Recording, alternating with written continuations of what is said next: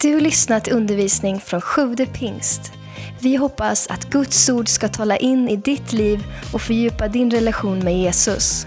Besök gärna vår hemsida, www.sjuvdepingst.se. Vi ska läsa bibelord, första Korinthierbrevet 16 och vers 13. Så ska vi hitta eh, det som jag vill liksom bara ta avstamp av idag. Jag hörde någon som sa det att ska du predika så se till att inte vara mer än fem minuter på, på liksom scenen utan att ha, ha liksom öppnat bibeln. Det är en bra tumregel. Så ska du, får du någon gång chansen att predika, se till att du inte är uppe och, och håller på och tjatar om dina egna grejer i mer än max fem minuter innan, innan bibeln kommer med. Det är viktigt. Det är därför vi är här. För att lyssna på bibeln. Och det är den vi lär oss. Första Korinthierbrevet 16, vers 13. Det står så här. Vaka över er själva och se till att ni håller fast vid er tro. Var modiga och starka, står det i nu-bibeln. Eh, var modiga, vaka över er själva. Vi behöver alltså vaka över oss själva. Vi behöver hålla oss eh, liksom alerta. Eh, vi behöver hålla fast. Och det står här var modiga. I flera översättningar står det var manliga. Va? Får man säga sånt i Sverige 2018? Ja det får man. Man får vara man. Var manlig. Var stark. Come on. Var modig. Stå fast. Du vet när jag gick i lågstadiet, då fanns det Centralskolan i Jo. Då fanns det två stycken spår där. Det ena var Blåklockan och det andra var Gullvivan. Liksom det coolaste liksom, namnen man kunde komma på. Liksom. Blåklock- jag gick såklart i Blåklockan. Och då var det en vad för någonting när det var rast, då var det alltid liksom Blåklockan mot Gullvivan, Blåklockan mot Gullvivan. Och så var det liksom fullt ös medvetslös. På grusplanen, så mycket, det var där grunden lades i den här enorma tekniken ni såg prov på här alldeles nyss. Det var liksom på grusplanen, Centralskolan i Jo, och mot Gullvivan. Det var liksom full, liksom, eh, ställ bara glidtackla på gruset, hela kittet. Och sen så eh, var det en period där också där vi samlades på lunchrasten i eh, lekplatsen som var lite längre bort och hade slagsmål. Alltså på riktigt så här blåklang och Gullvivan. Det vi höll på några veckor eller några år, jag vet inte hur länge vi höll på men det var i alla fall liksom, vi träffades och slåss på, på lekplatsen. Och så gick några veckor och så blev vi inkallade till eh, våra lärare. Eh, och de sa, det här, så här kan ni inte hålla på. Ehm, och det var nog smart, men i alla fall, det var fight liksom. Och sen så var det ju när det var snö, så fort första snön föll, då var det ju snöbollskrig. Alltså herren på täppan style. Liksom sån riktig wrestling, liksom verkligen, gloves are off, eller de är on i och för sig, det är snö ute men. men eh, och så var det liksom upp på kullen eh, och kasta ner alla andra. Blåklockan mot Gullivan, alltså det var, det var ganska våldsamt när man gick i skolan alltså. Jag vet inte hur det är nu för tiden men, men på den tiden. Eh, men det var, det var fight liksom. Och det var, det, var rätt så, det var rätt så kul faktiskt. Alltså man ska ju hålla det på en bra nivå naturligtvis. Men, men det var ändå, det var ändå mycket, mycket fight alltså. Eh, för det mesta var alla glada och sådär. Eh, och det är sådär va, att ditt liv, det kommer alltid innehålla fighter. Olika slags fighter. Och eh, nu är det så att vissa fighter är viktigare än andra. Det här jag höll på med i lågstadiet, det var liksom inte sådär superviktigt. Det var liksom inte defining moments of my life. Och få, få liksom vinna den där fighten. Och det, var lite, det var ganska barnsligt, ganska löjligt. Och nu talar inte jag om fighter som handlar om liksom knytnävar. Utan det kommer vara en fight om ditt liv. Eh, och det kommer finnas eh, tillfällen eh, där det kommer hända grejer. Eh, och där vi måste välja våra strider, men måste också ta fighten. Och det är det som är min, min rubrik den här kvällen, att ta fighten. Att, att liksom backa inte undan. Du vet, det kommer komma tider där det blir en fight. Eh, och den viktigaste fighten, det är inte om Blåklockan eller Gullvivan kommer vinna där på fotbollsplanen eller, eller kullen eller vad det nu är för någonting. Det var ganska löjligt. Den viktigaste fighten, det är, det är fighten om ditt eget liv. Det är fighten om ditt eget inre. Det är en fight som bara du kan ta, eller den som bara du kan gå. Eh, och det är så, liksom, du kanske tycker, men hallå, det här låter lite aggressivt liksom. Kan vi inte så här make, make peace not war, eller vad säger man? Make, make love not war, något sånt där. Eh, och absolut, det, återigen, det handlar liksom inte om våld, det handlar inte om knytnävar, det handlar inte om vapen, det är inte det jag säger. Men det finns andra typer av fighter. Eh, och här tror jag att vi måste ta den fighten. För oavsett om du vill det eller inte, oavsett om du är medveten om det eller inte, så pågår det en fight om ditt liv. Det pågår en fight om ditt inre. Eh, och den kanske många av er känner igen och en del av er har säkert haft en fight bara att komma hit. Att det har pågått en fight inom dig för att du tar dig hit. Det kan pågå en fight när, du, när vi sjunger lovsång. Att det är någonting i dig som, som vill liksom hålla dig, nej det här kan inte vara på riktigt, så här, vänta lite, håll tillbaka. Och det är någonting i dig som kanske också säger, men jag skulle vilja våga. Eh, det pågår en fight om, om, din, om din evighet, det pågår en fight om dina tankar. Och den fighten på, pågår hela tiden, vare sig du vill eller inte. Så om du tycker att jag låter lite aggressiv så kanske vi behöver bli lite aggressiva. Vi kan inte, liksom, vi får bestämma oss själva. Har jag tänkt att vara en dörrmatta för fienden? Eller har jag tänkt vara en dörrmatta för, för all, all den här, liksom, det som kommer dyka upp och bara låta, ja men varsågod, här. Det är bara liksom kliva rakt över här liksom. Det är bara välkommen härifrån och hit och så vidare. Eller har du tänkt att liksom öva på garden? Har du tänkt att liksom ha en pose som är redo för en smäll? Därför att det kommer komma smällar i livet. Eh, och frågan är om vi är redo på det. Kommer du att träna dina magmuskler? Kommer du att liksom bygga en mur? Kommer du att sätta ett hänglås på din dörr, på ditt hjärtas dörr? Återigen, det här, alltså ni fattar, det handlar inte om muskler, det handlar inte om knytnävar. Men det handlar om en fight som vi behöver vara vake, vaksamma över och som vi måste vara medvetna om. Jag, jag hörde en som sa så här att your life isn't a playground, it's a battleground. Det lät ju coolt, eller hur? Alltså det är ingen lekplats, hela ditt liv. Eh, det kan vara så att man vill liksom, eh, ja, man, man, går igenom livet lekande så man mognar aldrig, liksom, man, tar aldrig, man tar aldrig ansvar för sitt liv. Eh, men jag tror verkligen att vi måste inse det att, att det, det, liksom, det, det finns en fight över mitt liv eh, som jag behöver vara medveten om. Och, och liksom, annars så kommer vi så lätt att bara falla för de här attackerna när de kommer. Som sagt om vi, om vi har liksom dörrmatte-approachen. Eh, och det vet vilken fighter som helst att det är liksom garden som är det viktigaste. Man kan inte sänka den en sekund. Alltså, missförstå mig rätt nu. Eh, det handlar inte om liksom att vara någon slags stressad, eh, liksom, som är, går runt och är stissis här och bara, ska du, aj, liksom. Det är inte det jag säger. Men att, att leva redo, att leva alert, att leva vaksam om att hej, det finns en fight om mitt liv. och jag vill vara på tå. Som Jesu efterföljare så är det faktiskt inte frågan om det kommer ske utan snarare när det kommer ske och hur det kommer ske. Och min erfarenhet, vi, satt, vi träffades ett gäng här nu och, började planera för Segelstorp i Femras. Det kommer bli grymt eh, nästa år. Och eh, ja, det kommer bli nice alltså. Riktigt bra. Eh, vårat läger vi har på sommaren. Och eh, då snackade vi lite där och så var det något så, alltså det, det, är liksom, det är tufft just nu. Så här, alltså, hur länge ska det här hålla på? Um, och som the senior officer in the room.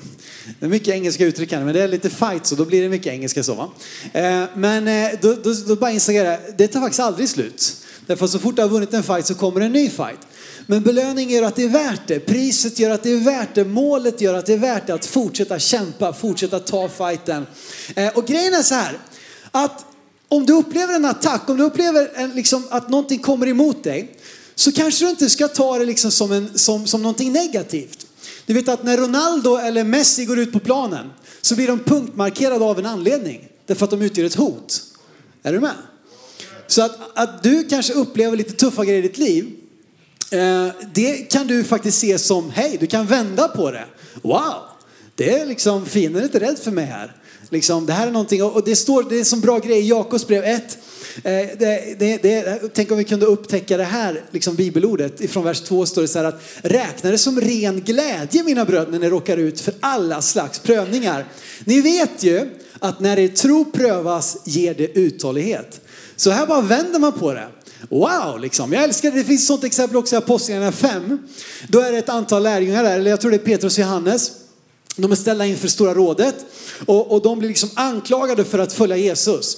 Och det slutar med att de blir piskade och så blir de skickade iväg med en, en, en förmaning att ni får inte säga någonting mer om Jesus. Och då står det i Apostlagärningarna 5, vers, vers 41 att så här, de gick därifrån glada över att de hade ansetts värdiga att lida för Jesus skull. Så de bara vände på liksom, så att nästa gång kanske någon kallar dig för lite tönt som är kristen i skolan, kan du bara wow, yeah! I'm, liksom, det här, I'm a threat, liksom, det här är grymt alltså. Jag får lida lite grann för Jesus. Så kan du bara vända på det där. Eh, och, och, det kan vara en bra grej. Eh, och saken är den nu. Jag sa det att viktigaste fighten det är fighten om ditt eget liv, om ditt eget inre. Därför att min poäng är nu, och det, det, vill jag att ni ska få med såklart, att Jesus han har ju vunnit allting. Han har, han har besegrat döden, han har besegrat synden på korset. Det är fullbordat, det är klappat och klart. Det yttre är liksom, det är klart. Men det som är fighten det är att låta hans seger få vara också segern i mitt hjärta, i mitt liv, i mina tankar, i mitt sinne. En av världens mest berömda graffitikonstnärer, Banksy, jag vet inte om det är någon som vet vem han är? Ja, han gör lite coola grejer så. Han, han eh, är grym på graffiti och, och liksom en, en så här, superkänd och han, han, ingen vet vem han är och sådär så det är en ganska cool grej. Och Ganska nyligen så var det så att ett av hans mest liksom berömda eh, eh, konstverk, nämligen Girl with a Balloon. Och om någon vet var jag är på väg här nu så, så liksom spoila ingenting här nu. Eh, och den här eh, tavlan i alla fall, det gick ut på en auktionsverk, så här fint flådigt auktionsverk, Sotheby's i London. Eh, och där liksom folk stod där och liksom sippade lite champagne och började bjuda liksom. Eh, eh och, och, till slut så sålde den här tavlan för gripande 1,4 miljoner dollar. Alltså typ 13 miljoner kronor. Det är ganska mycket pengar. Och precis när auktionsförmedlaren skrev så här, såld, boom! Så låter det, så blir det ett pip och vi ska titta på vad som händer då eh, på ett litet dåligt kvalitetsklipp här.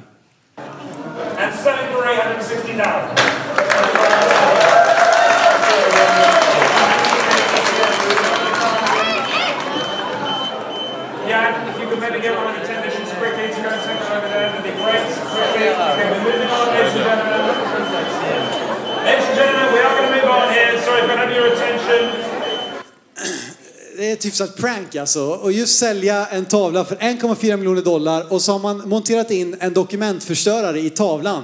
Så bara så liksom bara sabbar hela tavlan. Det är rätt sjukt alltså. Eh, och, och en sjuk grej. Eh, ett roligt prank liksom. Då är man, ja, jag vet inte vad man är, någonting är man. Men det var en ganska kul grej. Eh, förutom han som hade lagt 1,4 miljoner dollar precis då. Men han hade förmodligen pengar och, och så att det räckte och sådär va. Men grejen är så här, i slutet där så springer det fram några vakter några snubbar som ska liksom plocka ner tavlan så här. Vad, är, vad, vad, ska, vad försöker ni göra liksom? Ska ni, oh, vi måste stoppa, vem då liksom? Är det någon som, alltså grejen är att fienden eller faran var ju inuti. Vakterna var där för att vaka över det som var på utsidan, se till att ingen gick fram och slog liksom en hammare genom glaset. Men grejen var att fienden fanns ju inombords. Och det är så jag tror det är med ditt och mitt liv att så ofta så är den här fienden, den finns i oss. Eller liksom fighten, den pågår inom oss. Och vi kan vara ganska bra på ibland att sätta upp vakter för vårt yttre. Ni vet, vi kan ha larm hemma på huset. Eh, eh, om du inte har ägt ett hus så, så köp ett så kommer de att komma och knacka en gång i veckan och säga vill inte skaffa larm, vill inte skaffa larm, vill inte skaffa larm. Och så vidare. Vi kan skaffa larm för, för huset. Vi har liksom pepparspray i handväskan. Vi har, eh, eller hur? Mark har det, yes bengaler i handväskan. Eh, och eh, du vet, vi, vi kan ha så här, vi har så här fingeravtrycksläsare, touch-id på telefonen, eller hur? Vi är ganska bra på att sätta skydd, yttre skydd. Men grejen var så här att fienden, fighten som jag talar om här ikväll, den pågår i dig, inom dig. Och vad har du för skydd för det?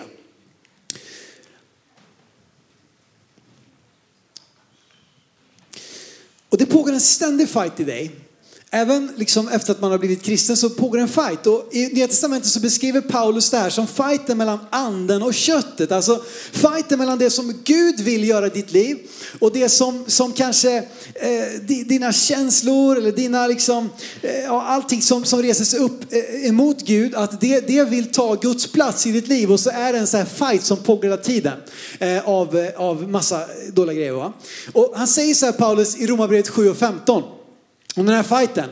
Att jag kan inte fatta att jag gör som jag gör. Det jag vill det gör jag inte. Men det jag hatar, det gör jag.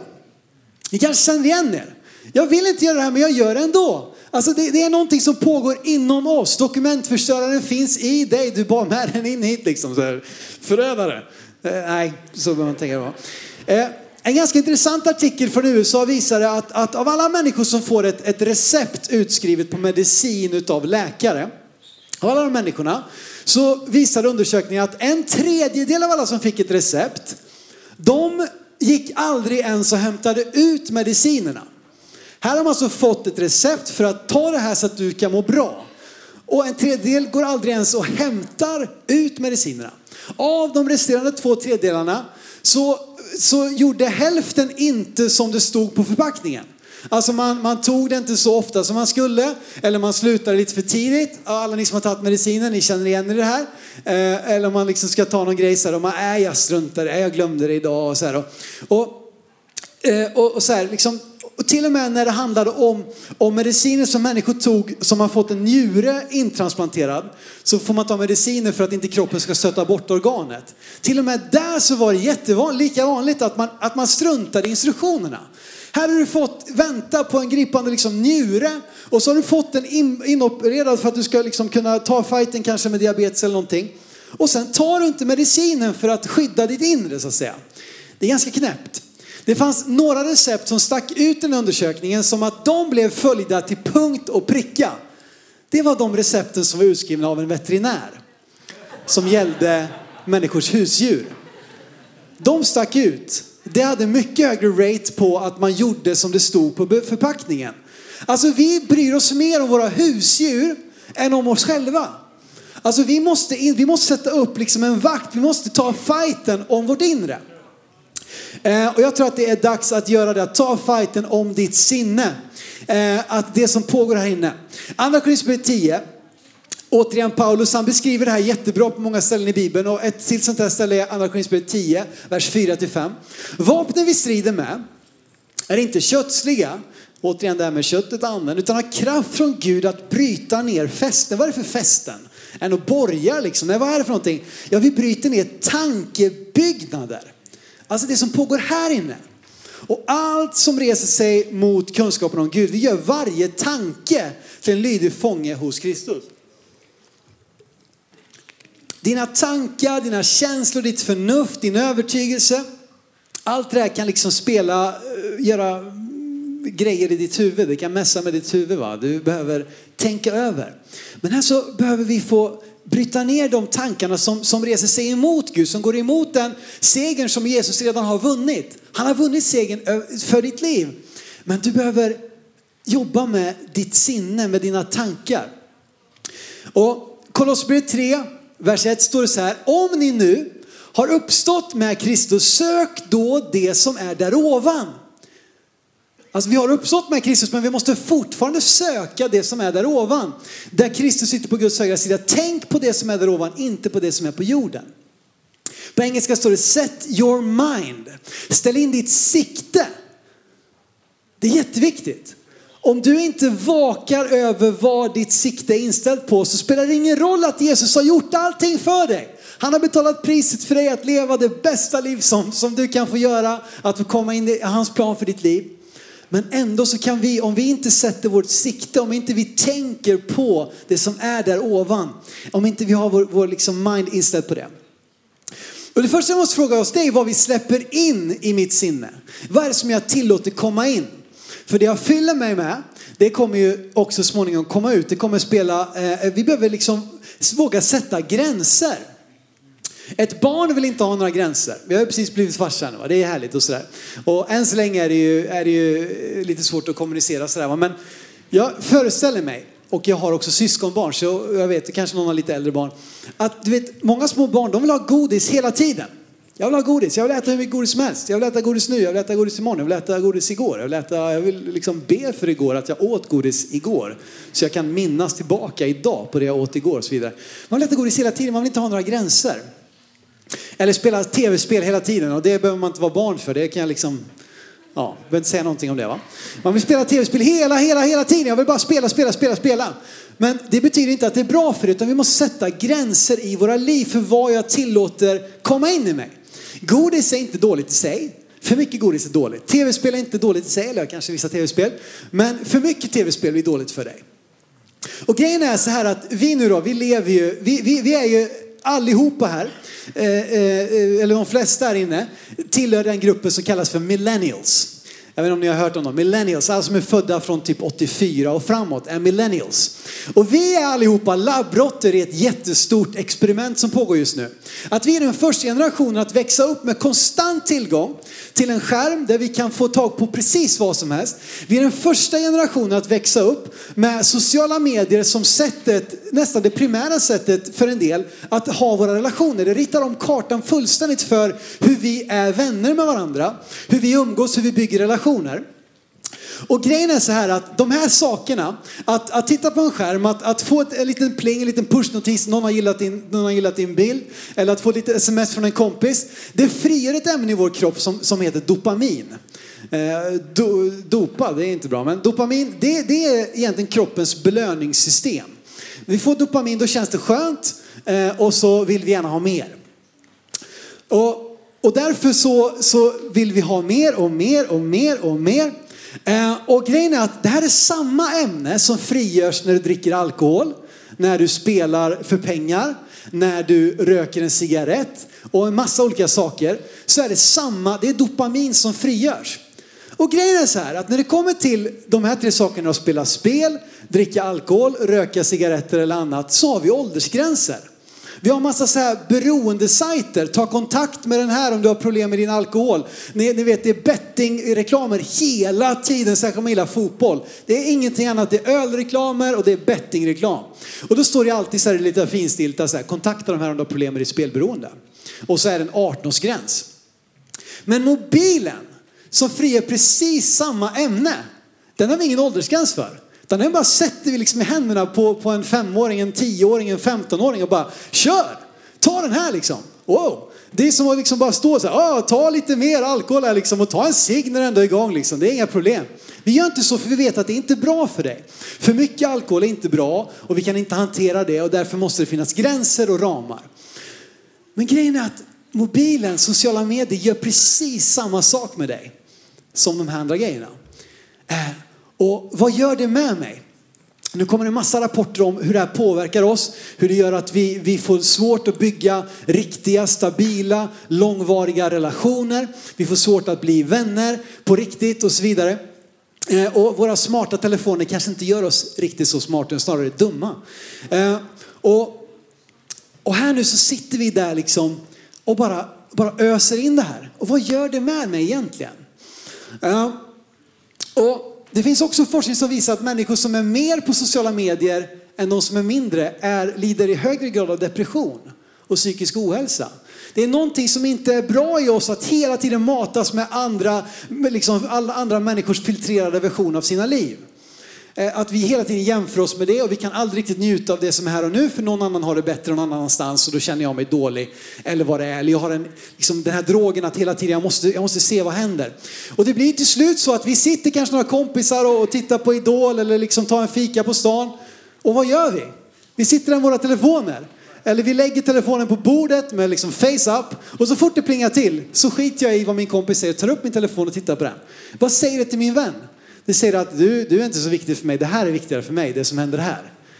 Du säger, men så där kan man inte säga. Men varför kan man inte säga det? Det är väl så det är? Du vet, vi måste vaka över vad det här gör med oss. Vi måste ta fighten av vårt sinne, vad det är vi släpper in. Eh, likaså är det ju, är det ju superutbrett liksom med, med, med pornografi, beroende och grejer. Och, och en fight också kring vår sexualitet. Där det finns så mycket eh, som, som vi liksom återigen matar på dig, bara en gränslöshet. Gör vad du vill, när du vill, hur du vill, var du vill och så vidare. Och vi tror att det kommer att göra oss glada, lyckliga. Men det är inte så, vi måste sätta gränser. Och vad vi gör när vi tittar på en massa porr, det är att vi ger djävulen en jättemassa ammunition att bara skjuta på oss med. Därför att det, det gör oss supersårbara. Det kan man snacka om att vara en dörrmatta. Och det här är grejen att, att supermånga kämpar med det här. Jag vet inte vad man snackar om nu men alltså det är typ så här snittet är att man är typ, jag vet inte vad, 9, 10, 11 år när man första gången eh, liksom konsumerar pornografi i, i vår värld idag. Återigen, den här mobilen som jag har gjort det här. När jag var, när jag var liten grabb liksom, då, då var det ju någonstans fanns en övergiven liksom, hus i skogen och där uppstoppat i skorstenen så var det liksom en porrtidning. Och den hade någon hittat liksom och, och sådär. Alltså så, så var det liksom. Och nu så här bara bling. Det, det, det, det, vad gör det här med oss? Vad är det jag fyller mig med? Och vi måste sätta gränser. Att tänka längre. Att våga sätta stopp, att upp med garden. Det här är inte bra för mig. Och vi vet ju det. Många av oss vet det. Och nu jobbar man med, liksom, och jobbar med sådana saker där man får upp så här skärmtidsrapport i veckan. Får ni det eller? Söndag morgon plingar det till skärmtid. Ja, du har kollat se så många minuter på den appen och så mycket på det och så kan man sätta gränser. Därför att, och vi behöver det här alltså. Jag tror vi skulle behöva bli bra på de här grejerna. Alltså. Kanske, vi har skärmtid ofta kanske för små barn nu men jag tror att vi skulle behöva skärmtid. Jag tror att kanske om du kämpar med porr, alltså det jag lovar dig, det är många, många fler. Du tror att du är ensam om det, men det är du inte. Det är förmodligen supermånga, eller det är många här inne som kämpar med det. Jag vet det liksom. Eh, och kanske att vi måste våga snacka om de här grejerna. Eh, och, och, kanske säga så här, Mark, alltså jag kämpar med det. Och så han kommer säga, ja men, ja men det är jag också typ. Eller ja, jag, jag hade en jobbig period kanske, eller vad det är. Så kanske han kan hjälpa mig. Så, Mark, kan inte jag sätta en föräldra, föräldrafilter på min mobil och så skriver du in någon kod här. Liksom, du vet, jag tror vi behöver hjälpa varandra. Att liksom sätta gränser för våra liv. Vad det är vi fyller oss med och ta fighten om vårt sinne. Eh, och vi har en tendens liksom att gå hela tiden så nära stupet som möjligt liksom. Att säga, okej okay, jag vet det här är inte bra för mig, men ändå så går jag här liksom och balanserar på kanten av stupet. Och så faller vi och så undrar vi varför vi föll. Men vi behöver sätta upp en gräns. Okej, okay, där är stupet. Här sätter jag, lägger jag miner. Här lägger jag ett staket. Här har jag liksom ett vakttorn. Och här borta liksom gör jag en väg. Jag tror vi måste bli lite smartare. Jag menar, har du jobbigt med de här grejerna, liksom, stäng inte in dig på ditt rum varje kväll med din dator och din mobil och grejer. Liksom, utan sitt med din mobil i vardagsrummet. Liksom, eller sitt med din dator. Alltså, vi måste bli lite smarta och ta fighten. För vi kan inte bara låta det här äta upp oss eh, och, och liksom sabba för den framtid som, som Gud vill ha eh, i våra liv och våra relationer. Vi måste ta fighten. Eh, och jag har så mycket att säga om det här, men eh, så lite tid. Eh, och sen är det också, ja, jag tror vi ska liksom ta fram, jag ska ta fram en sax här nu. Yes. Ding, ding, ding. Hur ska jag lyckas med det här? Hur ska jag lyckas liksom, ta fighten med det här? Är det genom att tänka på det att gör inte det här, gör inte det här, gör inte det här, gör inte det här. Nej, vet du vad? Om du tänker hela tiden på allt det du inte ska göra, gissa vad du kommer tänka på och gissa vad du kommer göra. Så här, tänk inte på en rosa elefant, tänk inte på en rosa elefant, tänk inte på en rosa elefant. Vad tänker ni på? En rosa elefant.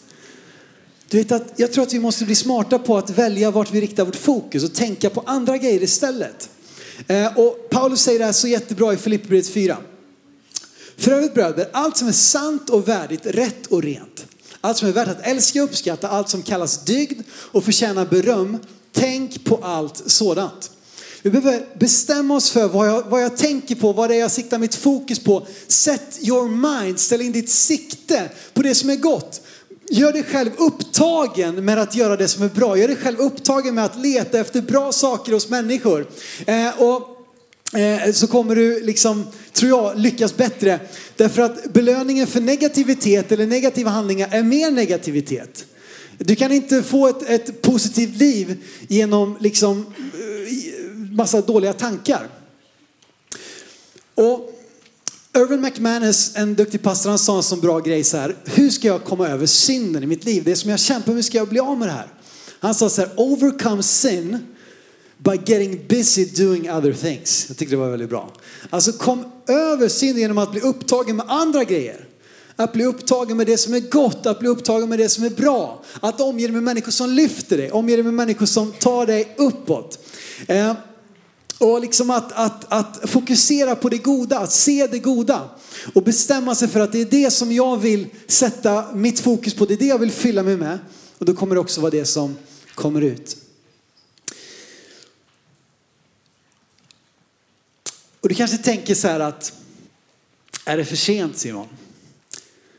Ja, jag hör vad du säger och jag känner igen mig i mycket av det du säger, men är det för sent? Men det du har pratat om, exemplen du har tagit, det är liksom the story of my life. De här grejerna har jag redan gjort liksom. Är det för sent Simon? Och du kanske känner liksom att ditt liv har gått igenom den här dokumentförstöraren både framlänges och baklänges och så tillbaka en gång till. Och du känner ja men det är jättebra de här grejerna, men alltså, jag har redan gjort allt det där. Jag har redan, jag har redan sabbat upp det här liksom. Jag har redan failat rätt hårt. Men vet du vad? Den här målningen, Banksys målning, som ju blev förstörd efter att det blev sålt för 1,4 miljoner dollar. Vet du vad? Man bedömer att nu är tavlan värd ännu mer. Det är en ganska cool grej. Det har blivit världens grej. Det har spridits på YouTube, på, på Instagram. Det har liksom blivit världens uppståndelse. Och nu så bedömer man att tavlan är värd mer nu än vad den var innan den var förstörd. Så att det som såg ut att vara slutet för den här tavlan, det såg ut att vara liksom dödsstöten för den här killen som har lagt 13 miljoner på en förstörd tavla. Det visade sig vara precis tvärtom. Det visade sig vara helt omvänt. För vet du, grejen är den att värdet på en tavla, det är inte ramen, det är inte duken, det är inte färgerna på. Utan värdet på en tavla, det sitter i konstnären, eller hur? Anledningen till att man ville betala 1,4 miljoner dollar, det var inte för att den här flickan med ballongen var så helt extraordinär, utan det var ju för att det var Banksy som hade gjort den. Och därför så blev ju det så att den här grejen, det här misslyckandet, den här förstörda tavlan blev tvärtom en värdeökare för det här konstverket. Jag vill säga det till dig. Att dina misslyckanden definierar inte ditt värde. Värdet på dig, det sitter inte i så att säga tavelduken. Det sitter i konstnären. Han som har skapat dig. Hans namn är Gud. Hans son är Jesus. Och tack vare det så är ditt värde oförändrat, till och med kanske ökat. Jag tycker det är en sån cool grej. I Bibeln så står det om en kvinna, hon hade, varit, hon hade begått massa äktenskapsbrott och grejer. Och så kommer hon till Jesus och så faller hon på sina knän och så tvättar hon hans fötter med sitt hår. Hon gråter, hon tvättar, tvättar hans skitiga fötter med sitt hår, med sina tårar. Eh, och de som sitter runt omkring bara, vad håller hon på med? Hon är dum i huvudet. Och då säger Jesus så här i Lukas 7. Därför säger jag dig, hon har fått förlåtelse för sina många synder. Det är därför hon visar så stor kärlek. Men ens fått litet förlåtet, lite förlåtet älskar lite. Så vet du vad? Om du har sabbat till ditt liv fullständigt så kan du lära mig att älska Gud lite mer. Därför att dina misslyckanden enligt det här bibelordet innebär bara att om du verkligen får tag på att ändå, trots det, så älskar Gud dig lika mycket så kommer du kunna älska honom ännu mer för du inser wow, han har förlåtit mig trots det här och du kan lära mig. Hur jag, kan, jag säger inte att mitt liv är perfekt, alltså många skulle bli mörkrädda, nej det skulle det kanske inte bli men det finns mycket att säga som vi inte ska säga ikväll men i alla fall. Och dina misslyckanden definierar inte ditt värde utan det är skaparen han som har gjort det, han som har gjort det konstverket som är du.